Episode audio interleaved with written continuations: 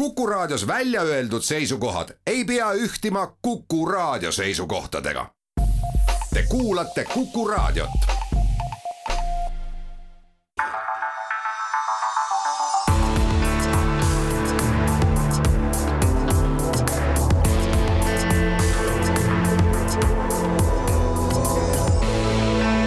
olukorrast ajakirjanduses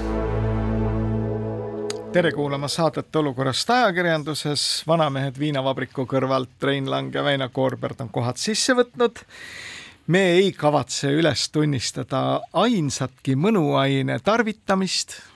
sellepärast me kavatseme seda jätkuvalt ja otse-eetris tarvitada, tahtsid sa öelda? jah, ja me ei taha langeda keskpäevatunni tegijate viha alla, et kes kuulutaksid meid hiljem kurjategijateks. aga sellest, mis on ajakirjanduse roll selles kogu selles asjas, tahame me rääkida nagu küll räägime ka nobelist Dmitri Muratovi Tallinnas käigust, räägime ühe vallavanema üleskutsest ühiskondlikule kokkuleppele mitte kritiseerida vallavalitsusi, räägime natuke Andrew Tate'ist ja ongi vist kõik, ega rohkemaks no, aga, aega üle ei jää. aga tavaliselt ei jõua me vist eriti rääkida Eesti Laulust, mis möödunud nädalavahetusel täitis Rahvusringhäälingu kõik kanalid enam-vähem. mitte ainult Rahvusringhäälingu, kõik meediakanalid eks ju, ja me vist ei jõua palju rääkida sellest, et täna on rahvusvaheline raadiopäev, et kas sa teadsid, et täna tuhande üheksasaja neljakümne kuuendal aastal alustas tegutsemist ÜRO raadio ja kas sa kuulad selle saateid? nii et iga, igatahes juba üksteist aastat on meil selline tore päev olemas. ja siis me ei saa millegipärast äh, teadmiste puudusel rääkida Suurströmmingu festivalist, äh, millele pühendas eilne Aktuaalne kaamera ainult viis, viis minutit, minutit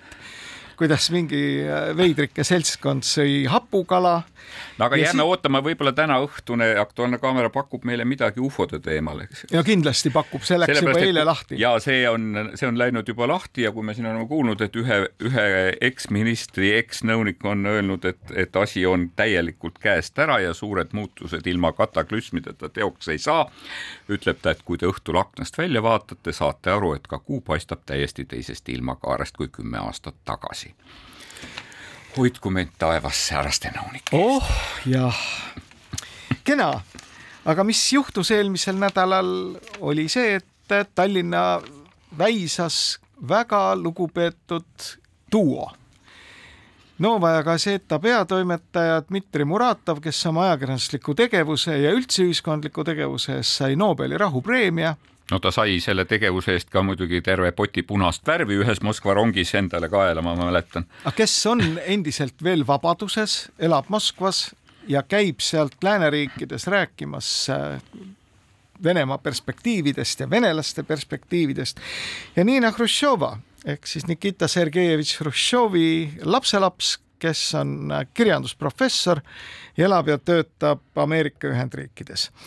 ja üritus, millele nad siis kohale tulid, oli Eesti Inimõiguste Instituudi aastakonverents. Eesti Inimõiguste Instituut igal aastal korraldab ühe sellise suure foorumi, kus on ridamisi lugupeetud külalisi ja Dmitri Muratov on seal juba teist korda. tegemist on üritusega, kus on väga palju huvitavaid mõtteid alati ja suur tänu kõigepealt korraldajatele, et nad sellise asjaga üldse tegelevad ja mina oleks eeldanud seda, et seal oleks olnud tohutu hulk Eesti ajakirjanikke ja kaameraid, kes siis seda kõike valgustasid, aga ütleme, ei ületanud uudiskünnist, sest tõenäoliselt olid Eesti Laul ja Suurströmmingu festival Kakumäel märksa olulisemad teemad. nojah, päris ei saa öelda võib-olla, et, et, et ei ületanud künnist, aga sest üksikuid, üksikuid intervjuukatkeid olen ma siit ja sealt ikkagi näinud ja venekeelses meedias vist isegi natukene rohkem kui eestikeelses, sellepärast et mida, mida arutati, arutati tegelikult Venemaa tulevikku eh,, arutati teema, millele nagu jõudis, oli ikkagi see, et, et kuidas äh, kuidas, mida teha siis Venemaa juhtkonnaga ja kuidas nende sõjakuritegude eest vastutusele võtta. Ja tõepoolest, et kui me hakkame meenutama, et siis ega Nürnbergi protsess ei, et see protsess ei alanud mitte eh, neljakümne viiendal aastal, eks ju, sellega, et, eh, et kapitulatsioonileping alla kirjutati, et seda protsessi käivitati, kui ma ei eksi, siis kas juba tuhande üheksasaja neljakümne teisest aastast alates, kui, kui lääneriigid otsustasid, et kunagi peab see jama ära lõppema ja siis tuleb, peab tulema ka nagu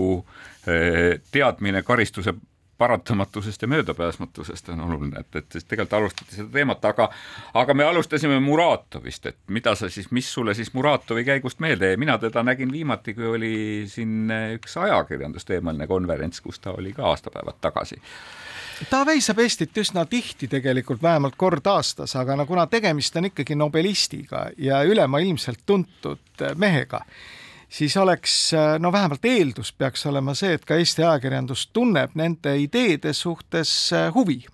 et vihje Eesti ajakirjandusele, võib-olla te saate tal täna veel sabast, sabast kinni kuidagi? no võimalik, elame-näeme, täna on küll ükski päevaleht täna ju ei ilmu, eks ole, täna on esmaspäev, võib-olla siis homme midagi tuleb ja võib-olla Rahvusringhääling midagi teeb ka välisilmas, õhtul näeme,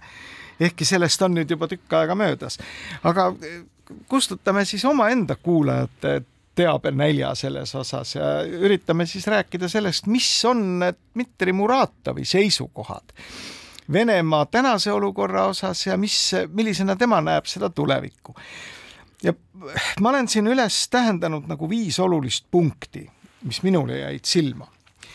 esiteks arvas Muratov, et Lääs peaks täna toetama kindlasti uue Vene põlvkonna tekkimist ja rõhuasetus tema arvates peaks olema võimalusele vene noortel õppida lääne ülikoolides, et vene noori, kes on siis kas noh, illegaalselt või poollegaalselt ületanud Venemaa piiri ja resideeruvad täna siis Lääne-Euroopas ja USA-s, et nende õppimist ülikoolides peaks mitte takistama, vaid soosima. teadupoolest Eesti on pigem vastupidise tee valinud, et ta on, teeb eh, kõvasti takistusi. no seal, ütleme niimoodi, seal on tegelikult tulemuseks on muidugi ka see, et, et, et selle, see protsess ei ole väga ühepoolne, sest et ka Venemaa on, on ju tegelikult äh, algatanud selle Bologna protsessi ehk vastastikuse äh, kõrghariduse tunnustamise tühistamise, nii et, et seesama kolm pluss kaks süsteem, eks ju, kolm aastat bakalaureust, kaks aastat magistriõpet, õpet, et see Venemaal ei kehti, see Venemaa astus omapoolsed sammud, et vene noored ei saaks liiga lihtsalt lääne ülikoolidesse, et küsimus ei ole ainult nagu Eesti poole poliitikas, mulle tundub. mida nüüd arvas Muratov, on see, et vot need, kes on õppinud nüüd läänes, on omandanud sellise mõtteviisi, et nendele see Venemaa haridusministeerium ja nende sammud ka kõrghariduse puhastamisel ebaõigetest mõtetest, et ei lähe grammi eestki korda. aga ma ei tea, mina, mina tabasin ennast selliselt mõttelt, et äh, teadupoolest aastaid tagasi pani prokommunistlik juhtkond sellises riigis nagu Kambodža või Kambodža või no kuidas iganes seda nimetada, eks ole, seal on erinevaid versioone, mis on õige toime inimsusevastase kuriteo, mille tulemusena hukkus tegelikult eh, märkimisväärne osakond, osa, isegi viiendik riigi elanikkonnast. ja selle toimepanejad, eh, see ladvik, Kiu Samphan oli selle riigi president ja peaminister Pol Pot olid mõlemad saanud teaduskraadi Sorbonni ülikoolist. nüüd, eh, kas ikkagi see Lääne ülikool tänasel päeval on see garant esiteks. et sealt hariduse saanud vene inimesed oleksid puhastatud sellest imperiaalsest mõtlemisest, et noh, et ukrainlased tuleb kõik maha tappa, juudid hoopis... ajada Palestiinasse, ma ei tea, mis iganes, see, mida täna Venemaal räägitakse. võib-olla nad saavad sealt hoopis kinnitust, nii nagu Maria Sahharova ja Margarita Simonjan on, eks äh,, välismaal käies ja välismaal õppides on saanud kinnitust või, või vähemalt nad kordavad seda, et nad on saanud kinnitust üha rohkem oma praegustele jõledatele vaadetele. mina küsisin selle Dima Muratovi idee kohta kohta oma Ukraina tuttavatelt. Ja ukrainlased ütlesid selle peale nii, et ja, ja et nemad on täheldanud sellist asja, et Venele eriteenistused ise soosivad oma kaastöötajate õppimist lääne ülikoolides ja seda kahel põhjusel. esiteks, et omandada teadmisi ja teiseks infiltreeruda siis lääne süsteemidesse, saaks neid kuidagi ära kasutada. luua, luua tutvusi, sidemeid, võrgustikke. täpselt, tehakse võrgustikke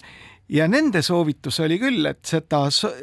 Muratovi soovitust tuleks järgida nii-öelda puhaste venelaste osas, aga kõikidel juhtudel tuleb need aplikandid põhjalikult läbi filtreerida. ja kui ma siis küsisin, et aga noh, kelle käest siis nagu küsida, et ei ole ju sellist nagu Hiina politseijaoskonda, eks ole, et kus sa saaksid siis pöörduda ja küsida, et kas konkreetne Sidorov on nüüd siis seda väärt, et teda õpetada lääne maksumaksja ressursi eest, et ta tagaks võib-olla tulevikus siis normaalse Venemaa või on tegemist FSB ohvitseriga, siis ega sellele küsimusele ju head vastust ei ole kellelgi aga ega, ega ei olnud Dmitri Muratovil ka nagu päris häid, häid vastuseid või ta nagu no mitte päris esimest korda tuli välja nende samaste ideedega, et ühtepidi, et ärge kiusake vene noori, sellepärast et noored on kõik Putini vastu, sest tema tuli välja selle teooriaga, et Putinit toetab tegelikult palju vähem inimesi, kui, kui me arvame, eks ju niimoodi, neid toetavad pensionärid, kes saavad Putinilt iga kuu, eks ju, väikese kingituse pensioni näol ja kaks korda aastas saavad siis selle õnnitluskaardi nende käest, et aga et see kahekümne, kolmekümne viieste põlvkond, et see ikka nagu jälestab, põlastab ja on absoluutselt vastu. minu meelest oli see nagu pisut nagu väga ühekülgne see selline lähenemine, sellepärast et needsamad kahekümne, kolmekümne viie aastased, eks ju, praegu sõjaväljal, eks ju, üritavad ükskõik mida teha, eks ju niimoodi. teeme et... siinkohal väikese pausi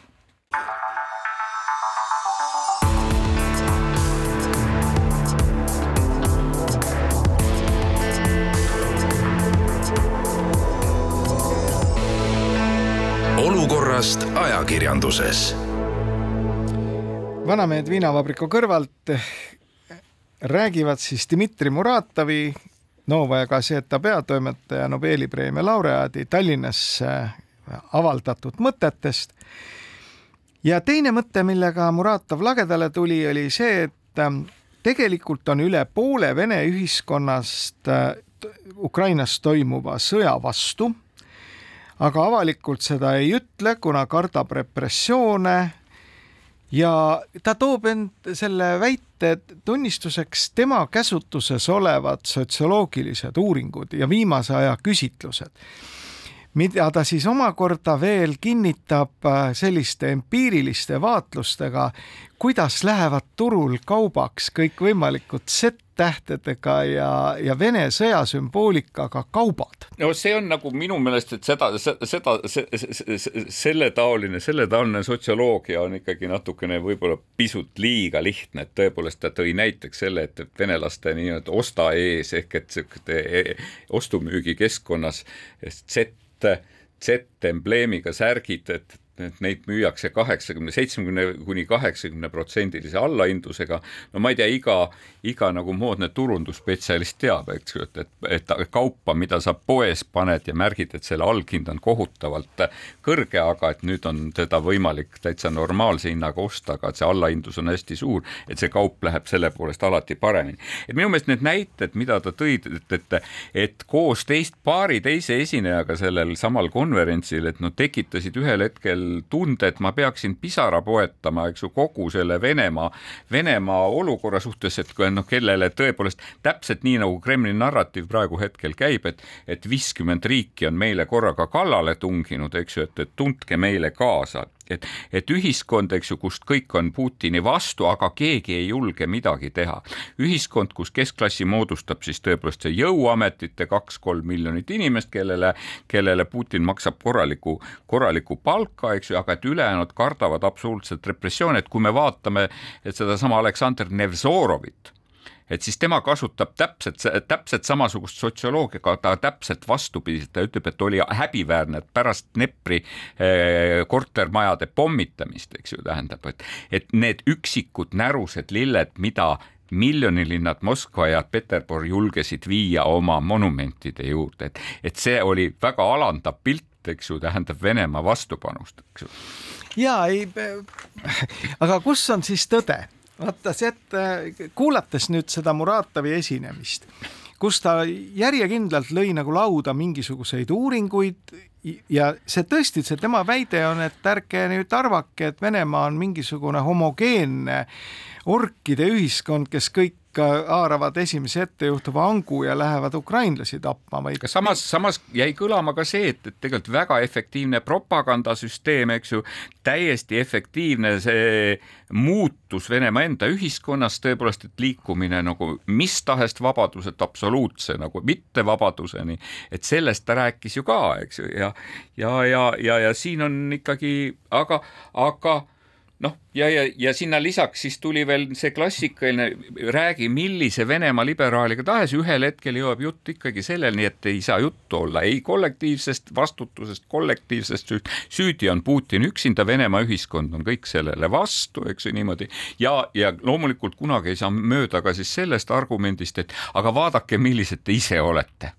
et kui teie ei oleks gaasi ostnud, eks ju, tähendab, kui teie ei oleks, eks ju, nende Venemaa suurte firmade nõukogudes olnud, eks ju, e-, ekspresidendid, ekspeaministrid, eks ju, nii et, et, et siis, et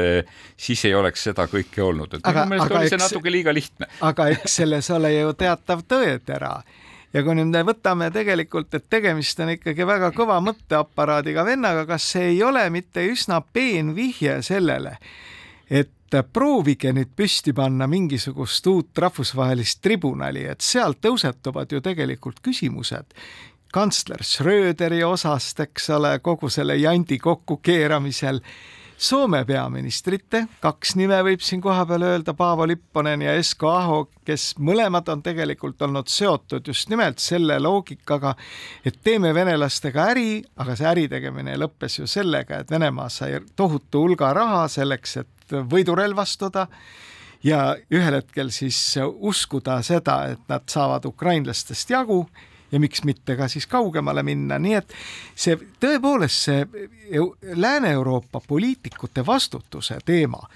tõusetub igal juhul, kui me hakkame rääkima sellest, mis on nende sõjakuritegude toimepanemise kaugemad põhjused. ja see võib tegelikult heidutada läänt üsna kõvasti nüüd äh, olema esiteks ühtne selles küsimuses ja teiseks, et kas ikka suudetakse püsti panna midagi nii efektiivset kui näiteks Jugoslaavia sõjatribunal. no ma ei tea, kui, kui efektiivne see on, sellepärast et sellel samal konverentsil kõlasid ka need mõtted, et tegelikult, et see kõik on väga ebaefektiivne, see kõik on väga ressursimahukas, see kõik on väga pikaajaline ja see kõik on väga kallis. aga noh, tulles tagasi selle juurde, et kuidas Dmitri Muratov ainult talle teadaolevatele uuringutele ja siis vulgaarsotsioloogiale tuginedes eh, suudab eh, väita, et, et tõepoolest, et, tegelikult ühiskond on Putini, on Putini vastu ja siis see on ainult Putini sõda, siis mulle väga meeldis, konverentsil tõusis püsti saalist inimene, kes esitas küsimuse, ütles, et praeguseks on Ukraina äh, prokuratuur äh, suutnud siis dokumenteerida ligi seitsekümmend tuhat sõjakuritegu, mis on toime pandud äh, Ukraina territooriumil. ja kuna need kajastavad ainult siis tegelikult Ukraina äh, valduses olevate alade toime pandud ja, ja kuna need ei, need ei saa, need, kuna nad ei saa ju juurelda okupeeritud aladel toime pandud, et siis oletatavasti see arv on vähemalt kaks korda suurem. et järelikult on too kusagil võimalik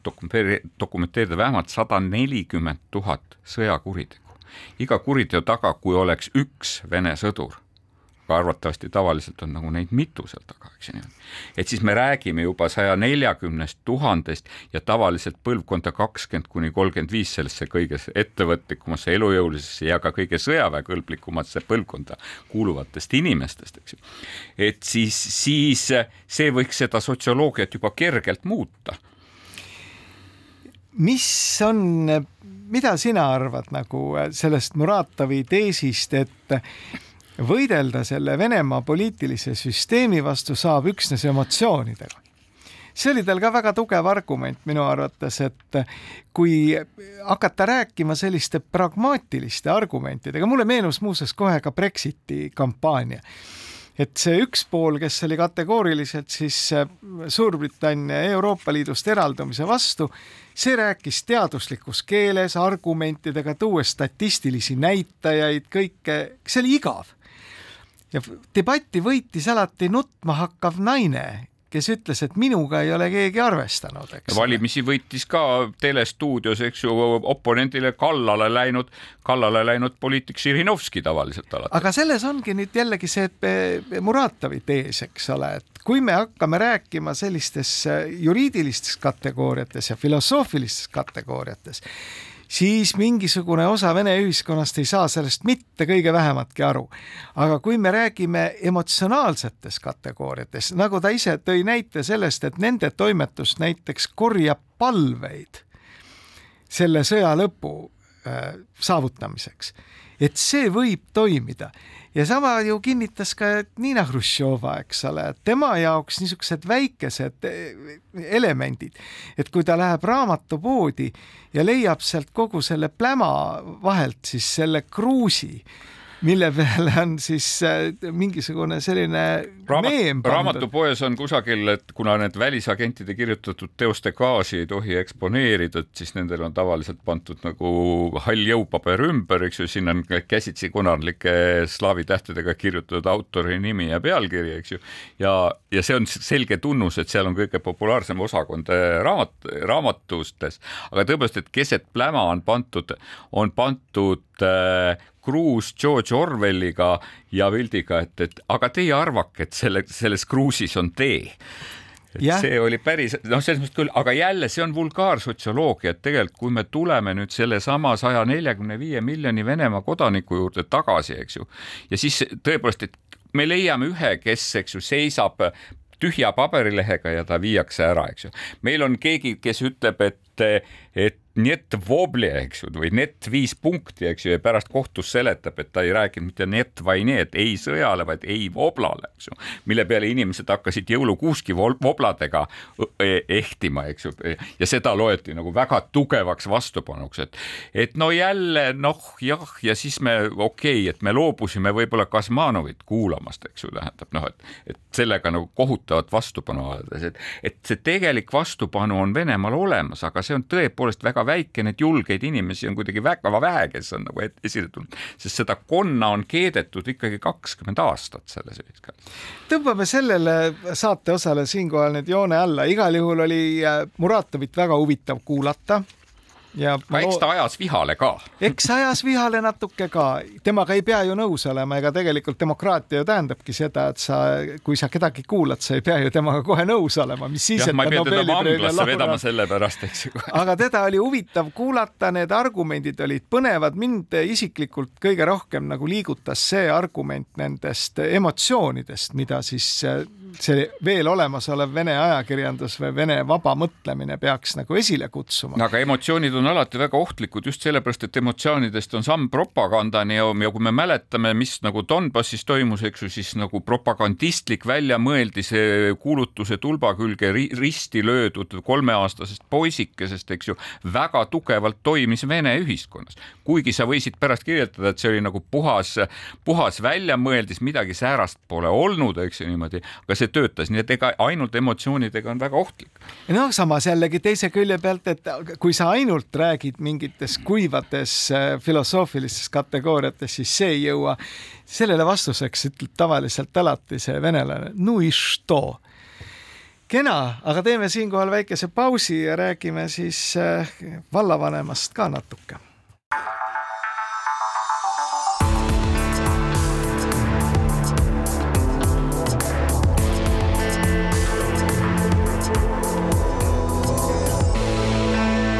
olukorrast ajakirjanduses.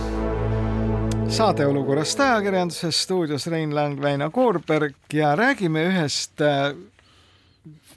tublist Eesti vallavanemast. tema nimi on härra Tölp, Kaarel Tölp. ta on pikka aega olnud. Põhja-Sakala vallavanem. ta on täna Põhja-Sakala vallavanem, aga ta on olnud paljude valdade vallavanem veel enne haldusterritoriaalset reformi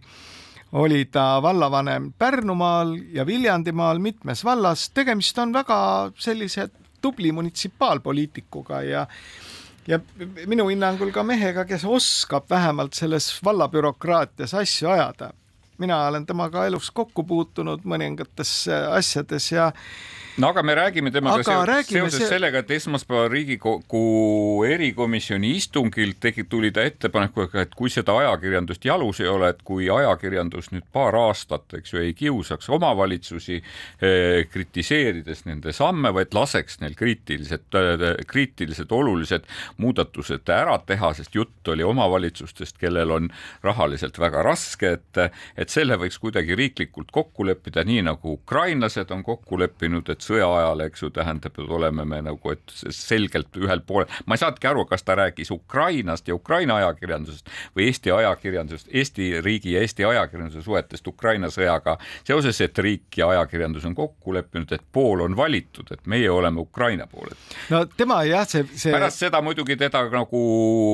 tulistati auklikuks, eks ju, kogu ajakirjanduses. no mida nüüd võis ka prognoosida tõenäoliselt, aga mehe ettepanek just oligi, et mitte ta ei rääkinud nagu üldfilosoofilises kategoorias, et et oleks ju tore, kui ajakirjandus ka vaataks asju nagu mõlemalt poolt, noh, mis on ju jumala õige. aga see tema ettepanek oli riiklik ühiskondlik kokkulepe riiklikult et lepitakse kokku, et ajakirjandus ei tüüta kaks kokku. aastat omavalitsusi, volikogusid, volikogude juhte, vallavanemaid nüüd see, et see probleem ja on muidugi olemas, küsimus ei olnud ka mitte, et ei tüüta, et ajakirjandus ei peaks nagu lihtsalt moka maas pidama, vaid et küsimus oli selles, et ajakirjandus võiks ka kiita vahel. No see, ega sa ei saa ometi öelda seda, et nüüd see probleem ei, ei eksisteeri, tegelikult on see Eestile väga omane. ehk selle võttis kokku üks omaaegne meediajuht ja teatrijuht väga ilusa vanasõnaga, et kus viga näed laita, sealt tule ja laida et ega siis see on Eestis äärmiselt levinud, et kui kuskil vallas tahetakse mingit struktuurset reformi teha, siis see, kes sellele vastu on, olgu ta kasvõi kaugelt vähemuses, olgu või näiteks esindagu seal kümnendikku ainult valla elanikest, leiab tuttava ajakirjaniku, kes teeb sellest no niisuguse loo, et äh, tegemist on inimvaenuliku protsessiga. ja see muidugi frustreerib jällegi omakorda neid reformijaid, eks ole, et ühelt poolt tekivad inimesed, kes ei julge midagi teha, kuna nad kardavad seda sellist vastureaktsiooni aga ütleme nii, et kes see tahab olla süljetops, eks ole. nii et ega selles. no Rein, aga millele sa siis praegu üles kutsud, minul on nagu, ma tunnen ka paljusid inimesi, keda, keda ma..., keda tegelikult suurtest tegudest, olulistest otsustest, läbimurdelistest tegutsemistest, eks ju, lahutab kaks asja, et üks asi siis tõepoolest, et hirm selle karistuse vältimatuse paratamatusest ja teiseks, et ebamugavustunne, mis neil seostub tavaliselt sõnaga kaitsepolitsei. et kui teeks nüüd sellise ühiskondliku kokku kokkulepe, et kaitsepolitsei nagu kaks aastat ei tüütaks inimesi, eks ju, tähendab niimoodi, vaid aeg-ajalt tuleks ja kiidaks aastaraamatus, eks. no see, ei, sinna me veel jõuame, see on nüüd, et kas mingisugused sellised sotsiaalpornograafilised pihtimused, et kas need aitavad Eesti elu edasi või on siis niisugune konstruktiivne kriitika. mina kujutan ette, et et Tölbil äh, jooksis juhe kokku just nimelt sellepärast, et see kriitika on tihtipeale nagu mõõdutundetu ja esindab tegelikult jällegi mingeid huvigruppe. et see on nagu halb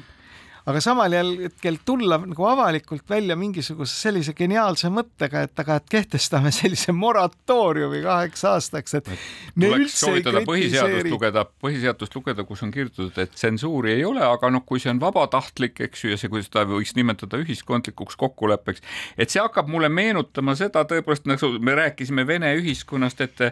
et olen ju juhtunud küll, et kui inimesed juhtuvad Venemaa põhiseadust lugema, kus nad ütlevad, et tsensuuri ei ole, eks ju, tähendab, meil on vabad valimised, eks ju, meil on igaühel on õigus, eks ju, südametunnistuse vabadus, igaühel on õigus meelt avaldada ja nii edasi ja nii edasi, et selles mõttes, et see on pisut natuke naeruväärne. aga noh, teema selle juures ja see ei puuduta üksnes seda omavalitsusreformi, mille puhul noh, ühtepidi oli ju teada, et, et kõikide endiste vallavanemate suud topiti täis, tulevaste vallavanematele lubati kõigepealt pidulik uus valla, uus, uue vallamaja ehitus, eks ju, tühja kohta, eks ju, ajakirjandus kirjutas ja ütles, et kuulge, teil ühel hetkel nagu saab raha otsa, minu meelest seda kisa oli suhteliselt palju, et mis mõtet on see kümme-viisteist aastat juba tagasi ehitatud koolimaja maha kiskuda ja uus osta, aga raha ju lubati, eks ju. ja nii ja nii edasi. no sa et, nüüd ütlesid et ma, seda, oot-oota Väino. et kas ajakirjandus peaks vait pra... olema, et, et kus raamatukogud pannakse siis kinni, väga hea. kultuurimajad kinni. sina nagu praegu ütlesid seda, et nende valdade ühinemise ajal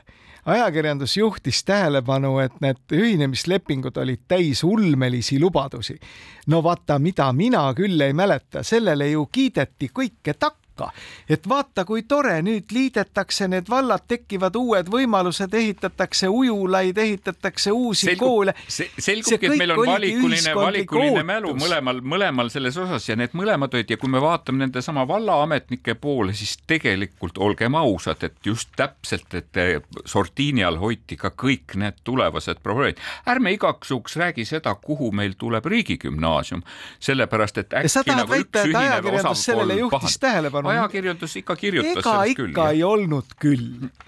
ja ütleme, me võime jääda aga, siin eriarvamusele, aga, lihtsalt, ega tahan... ikka seda niisugust ulmelisi lootusi selle tuleviku osas, neid köeti üles ajakirjanduses samamoodi. ja, ja toona olid siis ka ju kõik need kokkuleppijad, eks ole, olid siis ajakirjandusele jaganud omakorda seda informatsiooni, et oi-oi-oi, küll nüüd kõik läheb järjest paremaks. selge oli muidugi see, eks ole, mõtlevatele inimestele, et raha ei tule diivani seest. ja kui nüüd täna ollakse nagu selle probleemi ees, siis minu arvates ajakirjandus tihtipeale jätkabki seda, et on ikka kurat kaabakad, eks ole, näed, lubasid, et me ehitame siia kolmekümne viie korruselise mingisuguse koolimaja, mis igal korrusel on bassein, aga vaata, et keegi on nüüd nendes süüdi, eks ole, et seda no, ei tule. keegi peab ju tegelikult, olgem ausad, süüdi olla, et, et äh, mõtlevates inimestes positsiooni saab hetkel väljendada selgrootu, selgrootu olund, olendina tahaksin ma tegelikult tuua nagu isegi laiema, laiema mõiste siia juurde, et me ei räägi üksnes sellest omavalitsuse äh, reformist, et kas meil peaks olema niisugune ajakirjanduse ja ühiskonna või ajakirjanduse ja riigi mingisugune kokkulepe, et me hoiame moka maas või hoiame kriitika vaos või ärme kahjusta ühiseid huvisid. ma mäletan ühte juhtumit, kui see vist oli koroona alguses või kus, kus Postimehe peatoimetaja teatas, et me vähendame me vähendame kriitilisuse astet valitsuse suhtes ja, ja minu meelest Postimehe peatoimetaja sai, sai paremalt ja vasakult, aga tõepoolest, et Hendrik Roonemaa siin möödunud nädalal tõstatas selle küsimuse ja tõstatas küsimuse natuke isegi julgeoleku teema koha peal samamoodi, kus ta ütles, et kas, et kas me võiksime kuidagi natuke tagasi tõmmata nende hirmu ja õuduse juttudega ja sõja, sõjajuttudega, eh, mis tegelikult kahjustavad nii Eesti investeerimiskliimat mis kahtu, kahjustavad Eesti turismikliimat, sellepärast olgem ausad, ma arvan, et kõik konverentsi korraldajad teavad, et esimene küsimus on seal, et, et, et kuidas teil seal on, et kas teil pommid ikkagi lendavad, eks ju niimoodi. kas mul on mõtet siia nagu oma raha panna, et, et seesama turvatunne, mida inimesed vajavad ja, ja, ja, ja Hendrik oli toonud tõesti, väikese valiku eelmise nädala pealkirju, eks ju. me arvestame sõjaohuga liiga vähe ega pinguta piisavalt. Ukrainas ebaõnnestunud Venemaa on meile kallaletungi oht, Välisluureamet, kool on Vene oht on oht meile pole Ukraina sõjaga vähenenud, luurajate salajutud, Venemaa tuleb Eestit kollitama õppusega saapad, et need kõik loovad sellise tausta, mis nagu, nagu laias võttes kahjustavad meid ja meie olemist praegu oot, aga kas sa nüüd natukene iseendale vastu ei räägi? ma ütlesingi, et selgroogta olendina ma tulen ja toon selle mõõtme siia sellesse Enes, sisse, et kas me peaksime. enesekriitika on väga teretulnud ka isegi meie saates, eks aga tegelikult mina tahaks juttu, juttu ajada pigem selle peale, et ka mingi vastutustunne võiks nagu ikkagi olla ka selles suhtes tõesti, et sa ei kirjuta nagu esimesi, esimesele leheküljele kogu aeg pealkirju, et homme tulevad venelased meile kallale. et üks asi on see, et ajakirjandus nagu vahendab, aga ütleme niimoodi, seesama riik või seesama ühiskond peegeldab ju seda, sest et see sõnum ei sündinud ajakirjandustoimetuses, vaid ajakirjandus edastas sisuliselt küllaltki nagu kas mingi jõuametkonna või, või mingisuguse poliitiku väga selget sõnumit. ja vaata, aga saatan on reeglina peidus detailides, eks ole, kui me räägime räägime suures plaanis nendest äh, sõjasõnumitest, mis võivad olla hukatuslikud kõikvõimalikele välisinvesteeringutele, siis ega nüüd äh, see kohapealne kisa, et noh, et äh, paneme, keegi tahab kinni panna kuritegelikult raamatukogu, kus käib kolm inimest, eks ole, et see on nagu lubamatu tegevus. et see raha tuleb leida nui neljaks, eks ole, ükskõik kuskohast, aga, aga peab olema ja samamoodi me võime jõuda ka selleni, et noh, peame siis neid ühe klassiruumi koole, eks ole, kus esimene kuni kaheksas klass kõik õpib ühes samas klassitoas nagu Amishid Pennsylvania osariigis. ainult et mis on selle hariduse kvaliteet, on hoopis teine asi et noh, see vastutustunne tegelikult selle ees, mida ma nagu kirjutan, mida ma räägin ja kui sa, toimuvad niisugused hüsteerilised kohapealsed ajakirjanduslikud hüüded, et kus on meie lubatud ujula, mida meile viis aastat tagasi siin mehed lubasid, et poome nüüd siis selle mehe üles, kes lubas. siis ega see nagu väga palju kaasa ei aita selle kohaliku elu edendamisele. ei, seda küll, aga noh, ütleme veel kord, et mulle, mul on see tunne, et, et et see kohalik poliitik, kes läheb kohalikku kooli sulgema peab arvestama sellega, mitte et, et, et tema lapsed, eks ju, saavad bussiga sõites palju parema hariduse kusagil mujal, vaid ta peab arvestama sellega, et sellega kaasneb tegelikult nendesama töökäte äraminemine, sellega kaasneb tegelikult külade tühjenemine ja nii edasi ja nii edasi ja seda me nagu näeme, et kas me seda paneme, kas need kahte ja kahte me kokku paneme, on oma asi. no mina leian, et tegelikult üks rohi ja see on ka minu ettepanek härra Tölbile on tegelikult see, et kui sa oled veendunud selles, et see, mida sa teed, on õige asi siis sa pead ka suutma seda oma valijatele kommunikeerida, seda seletama lihtsate lausetega, eks ole, ja väga vettpidavate argumentidega. ega see Eesti rahvas nüüd nii rumal ei ole, et ta aru ei saa lõpuks, vaatamata sellele, mida võib-olla mingi kohalik kobruleht kirjutab ja see kohalik kobruleht võib olla ju opositsiooni mingi esindaja omanduses või mida iganes. aga see, et sa ei taha nagu seletada, vaid ütled, et noh, oleme kõik vait, et noh, see ka nagu ei vii Eesti elu edasi, aga teeme siinkohal väikese pausi ja ja siis räägime ajakirjanduslikest pihtimustest.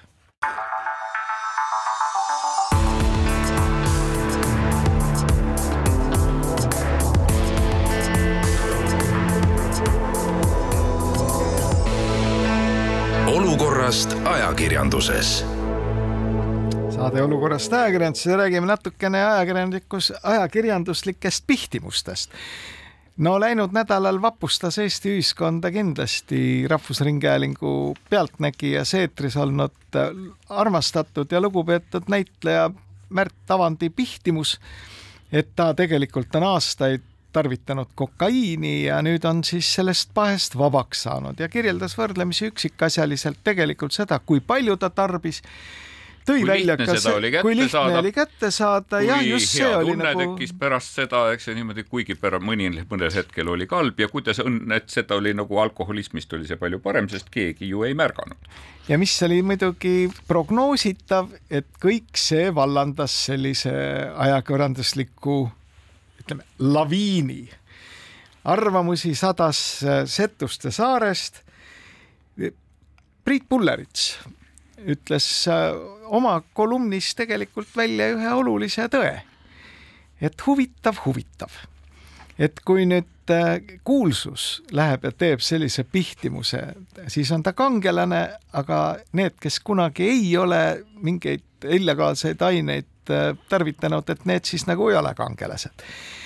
ja minu, mina tabasin ennast vähemalt mõtlemas selles suunas, et esiteks ei ole selline ajakirjanduslik formaat,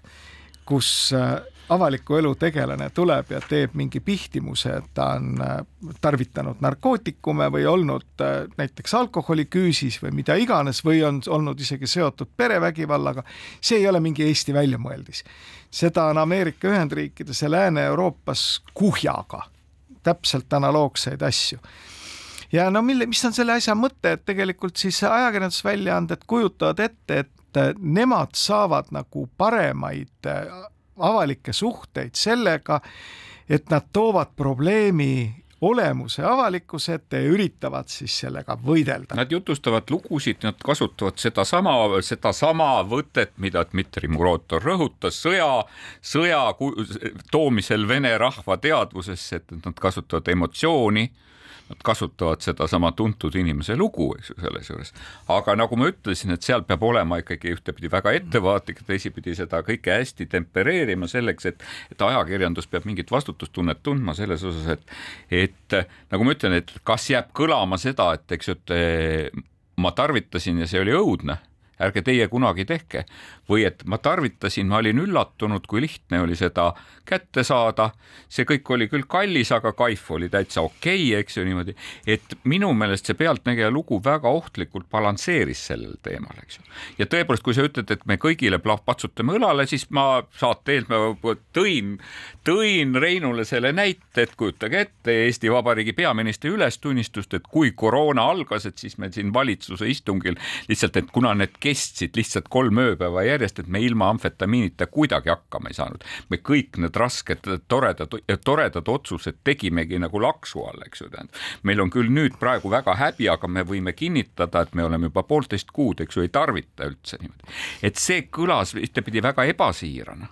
see kõlas väga ebasiirane ja ma jätkuvalt ei saa aru ei, ei pealtnägija selgetest motiividest, mida nad küll püüdsid seletada, miks see on oluline. ma ei saa ka aru Märt Avandi motiividest ja ma ei saa aru tegelikult nendest inimestest, kes õlale patsutavad selle asja juures, eks ju. sest noh, küsimusi on hästi palju. juhul, kui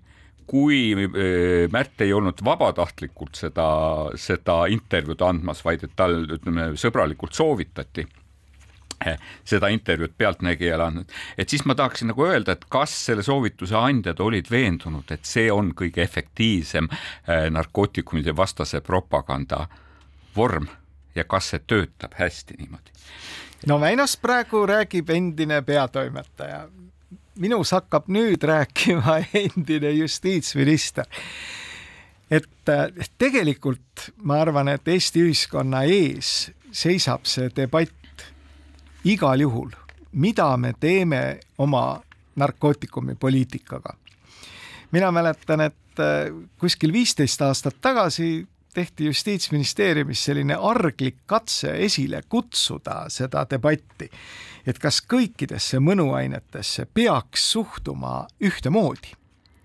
kas äh, nendesse nii-öelda kergetesse ainetesse või psühhoteelilistesse seentesse peaks suhtuma samamoodi nagu heroiini. kuidas me siis välistame nende sõltuvust tekitavate ainete kättesaadavuse. küsimus on see, et kas sõjaväkke, kas politseisse, kas Kaitseliitu, kuhu näiteks Märt Avandi möödunud aasta aprillis pidulikult teatas, kas sinna nagu peaks võetama alles pärast pissiproovi ja kas ka neid Eesti Vabariigi valimistel kandideerides tuleks see pissiproov anda, et saaks vaadata. vaata, siin on nii palju tegelikult teemasid kogu selle asja juures ja mis minule oli nagu kõige,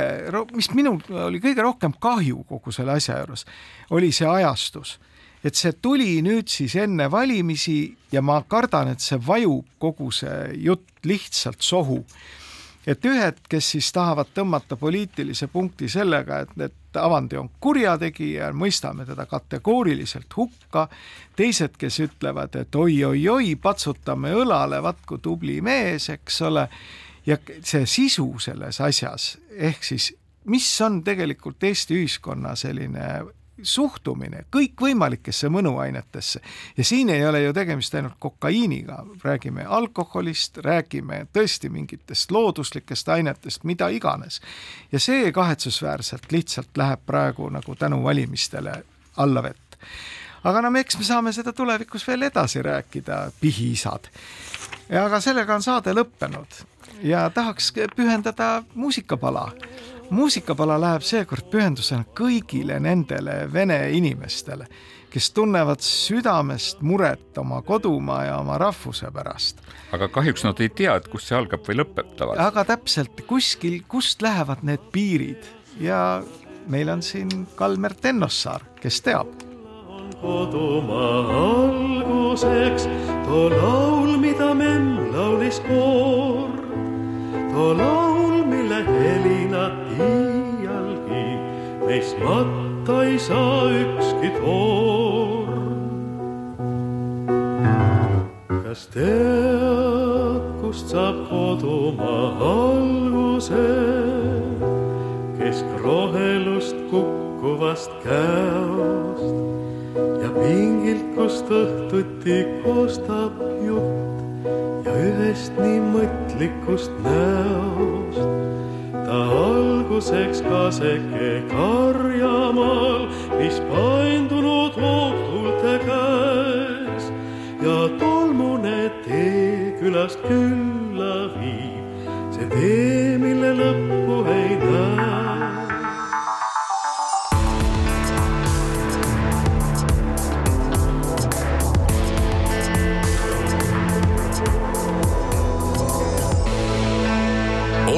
Olukorrast ajakirjanduses